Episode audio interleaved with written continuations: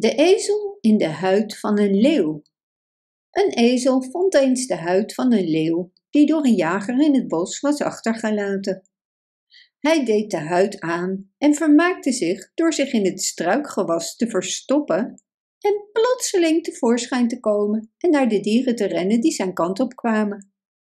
De dieren renden allemaal gelijk hard weg op het moment dat ze hem zagen.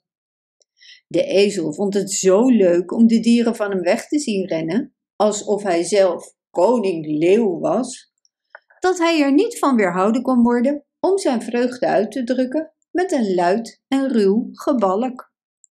Een vos, die met de rest meerende, stopte zodra hij de stem hoorde. Hij keerde zich om en toen hij bij de ezel kwam, zei hij lachend: Als je je mond had gehouden, had je mij misschien ook bang gemaakt. Maar je hebt jezelf verraden met dat dwazige balk van je. Bedankt voor het luisteren.